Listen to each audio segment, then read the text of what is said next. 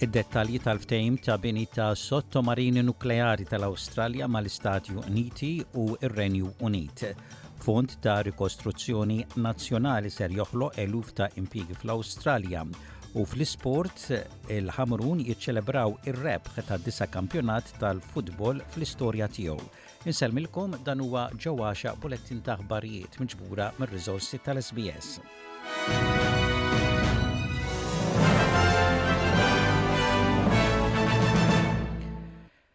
Kienu żvelati d-dettalji tal-ftehim ta' sottomarini nukleari bejn l-Awstralja, l-Istati Uniti u r-Renju Unit. Il-Prim Ministru Anthony Albanese jinsab fl-Istati Uniti mal-President Joe Biden u l-Prim Ministru Ingliż Rishi Sunak.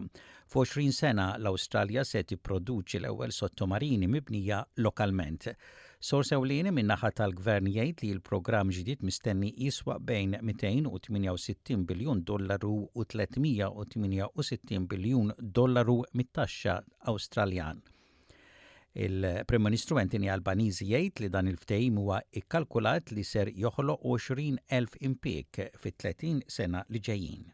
The AUKUS agreement we confirm here in San Diego represents the biggest single investment in Australia's defence capability in all of our history, strengthening Australia's national security and stability in our region, building a future made in Australia with record investments in skills, jobs and infrastructure.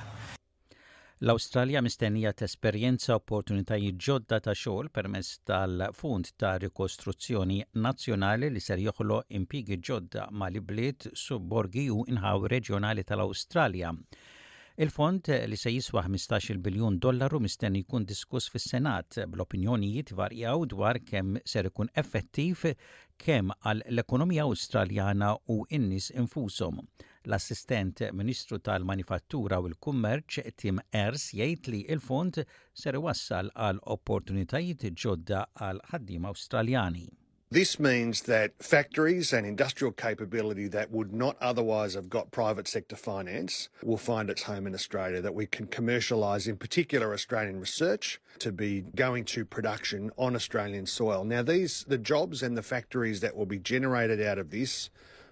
will be in our outer suburbs and in our regions. Il-Premier ta' New South Wales, Dominic Perrottet, nieda l-kampanja uffiċjali tal-Partit Liberali għal l-elezzjoni statali billi wiegħed il-ħolqien ta' dak magħruf bħala Fond Futur għal kull tifel u tifla fl-Istat jekk ikun elett mill-ġdid fil-Gvern. Kull kont ikun fih erba' mitt dollaru f'fondi tal-Gvern Statali li jingħataw għal kull tifel u tifla taħt l-għaxar snin. Il-ġenituri imbagħad jistgħu jżidu l-fondi bil-Gvern jikkontribwixxi depożiti li ilaħħqu sa erba' mitt dollaru kull sena. Il-Partit Liberali qed jimmira li jirbaħ ir-raba' term ta' l-elezzjoni statali fi ħmistax oħra. L-elezzjoni ssir fil-25 ta' Marzu.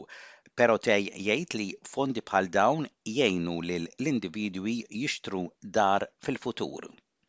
This account will help set our kids up for life by giving them a head start on the two most important things they need to secure their future buying a home and acquiring the skills and education they will need to succeed in a globally competitive and changing world. Each child's account will grow to $28,000 by the time they turn 18. Wara ż-żjara tiegħu fl-Indja, il-Prim Ministru Awstraljan, Anthony Albanese jgħid li l-Awstralja mistennija li tiffirma diversi ftehimiet ta' kummerċ ma' l-Indja sal-aħħar tas-sena. F'indirizz flimkien mal-Prim Ministru Indjan, il-Prim Ministru Awstraljan ikkonferma li ż-żewġ pajjiżi ffinalizzaw ftehimiet biex iżidu r-rabtiet ekonomiċi u kulturali. Il-Prim Ministru Anthony Albanese jgħid li dan huwa importanti għaż-żewġ pajjiżi. This transformational deal will realise the full potential of the bilateral economic relationship, creating new employment opportunities and raising living standards for the people of both Australia and India. Dun Luke Seguna li kien kappillan ta' Marsaxlokk talab lill-Qorti li tippermettilu li jidħol lura f'Marsaxlokk. Dun Seguna jinsab mixli bi frodi, miżapproprjazzjoni u ħasil ta' flus hekk kif il-prosekuzzjoni qed issostni li huwa ħa madwar nofs miljun ewro lil madwar 150 parruċċan fuq medda ta' għaxar snin. Huwa qed jiċħad dan u fil-proċess tal-kawża ingħata il-ħelsien mill-arrest taħt diversi kundizzjonijiet fosthom li ma imurx Marsaxlokk. L-avukati tiegħu talbu lill-Qorti tħassar din il-kundizzjoni, imma il-Prosekuzzjoni qed toġġezzjona għax qed issostni li baqa' aktar xlukkajri x'jixhdu. Il-Qorti għad trid tiddeċiedi dwar it-talba ta' Dun Luke Seguna li għandu 39 sena biex ikun jista' jitħalla jżur Marsaxlokk. Is-sistema tat-temp li ddominat il-qagħda tat-temp madwar id-dinja f'dawn l-aħħar tliet snin hija ddikjarata li uffiċjalment għaddiet. Aġenzija Amerikana li ssegwi l-oċeanu, l-atmosfera, tgħid li l-kundizzjonijiet fl-Oċean Paċifiku qegħdin jerġgħu lura A normal u La Niña jidher li għadda. La Niña iseħħ meta irjieħ sħan jitqawwew u joħolqu kundizzjonijiet li jaffettwaw l-arja, l-iżvilupp tas-sħab u x-xita. Dan it-tip ta' temp ikkaġuna xita qawwija li għamlet ħafna ħsara f'partijiet kbar tal-Awstralja. Imma r-riċerkatur tal-Kunsill tal-Klima Dottor Simon Bradshaw jgħid li b'anqas xita fix-xhur li ġejjin mhux kollox aħbar tajba għax b'anqas xita jista' jkollna aktar nirien. We can't be complacent, we do know there'll be a return to above normal fire potential at some point because we are now looking at a dry period, if we enter another El Nino period then that's going to further amplify that risk. And of course, everything we see is now happening in the context of climate change in an atmosphere made warmer, wetter, and packing more energy because of the burning of coal, oil, and gas.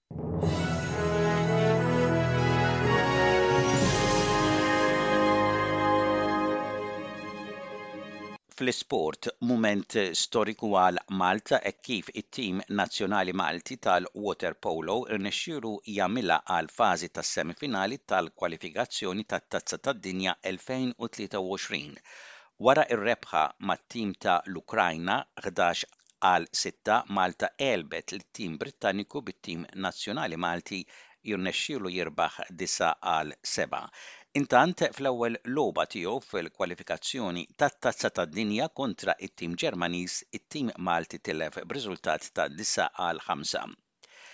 It-toroq ewlenin tal-Ħamrun intlew bil-briju u ferħ hekk kif il-partitarji tat-tim tal-futbol Malti ċċelebraw ir-rebħ tad-disa' kampjonat fl-istorja tiegħu.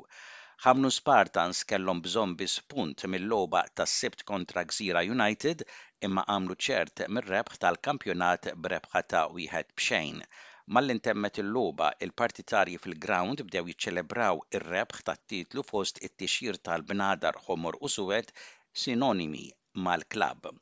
Bosta partitarji Ħamruniżi ħarġu b'mod spontanju fit-toroq tal-Ħamrun biex jiċċelebraw u magħhom ingħaqdu partitarji tal-klabb li jgħixu f'lokalitajiet oħra.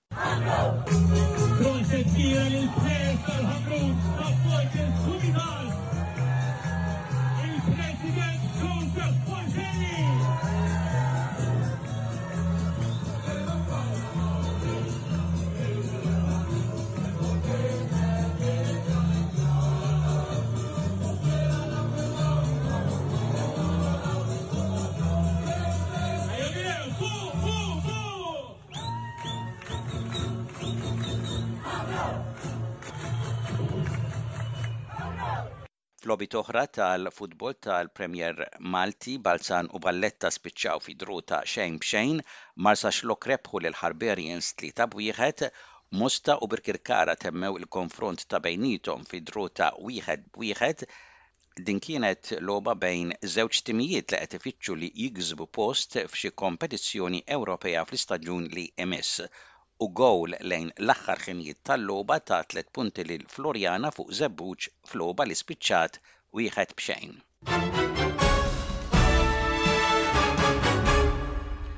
U intemmu dan il-bulettin ta' ħbarijiet bħarsa lejn ir-rapport ta' temp, temp li biċċa l-bira xemxi mistenni f'Perth, f'Adelaide u f'Darwin, temp daqsxejn imsaħħab mistenni f'Melbourne, f'Hobart u f'Cairns u possibiltajiet ta' ħalbit tax-xita mistennija f'Canberra, f'Wolongong, f'Sydney, fi Newcastle u fi Brisbane. Dak kien bulettin ta' aħbarijiet mir-radju tal-SBS għal lum it-tlieta l-14 il-jum tax-xahar ta' Marzu tas-sena 2023.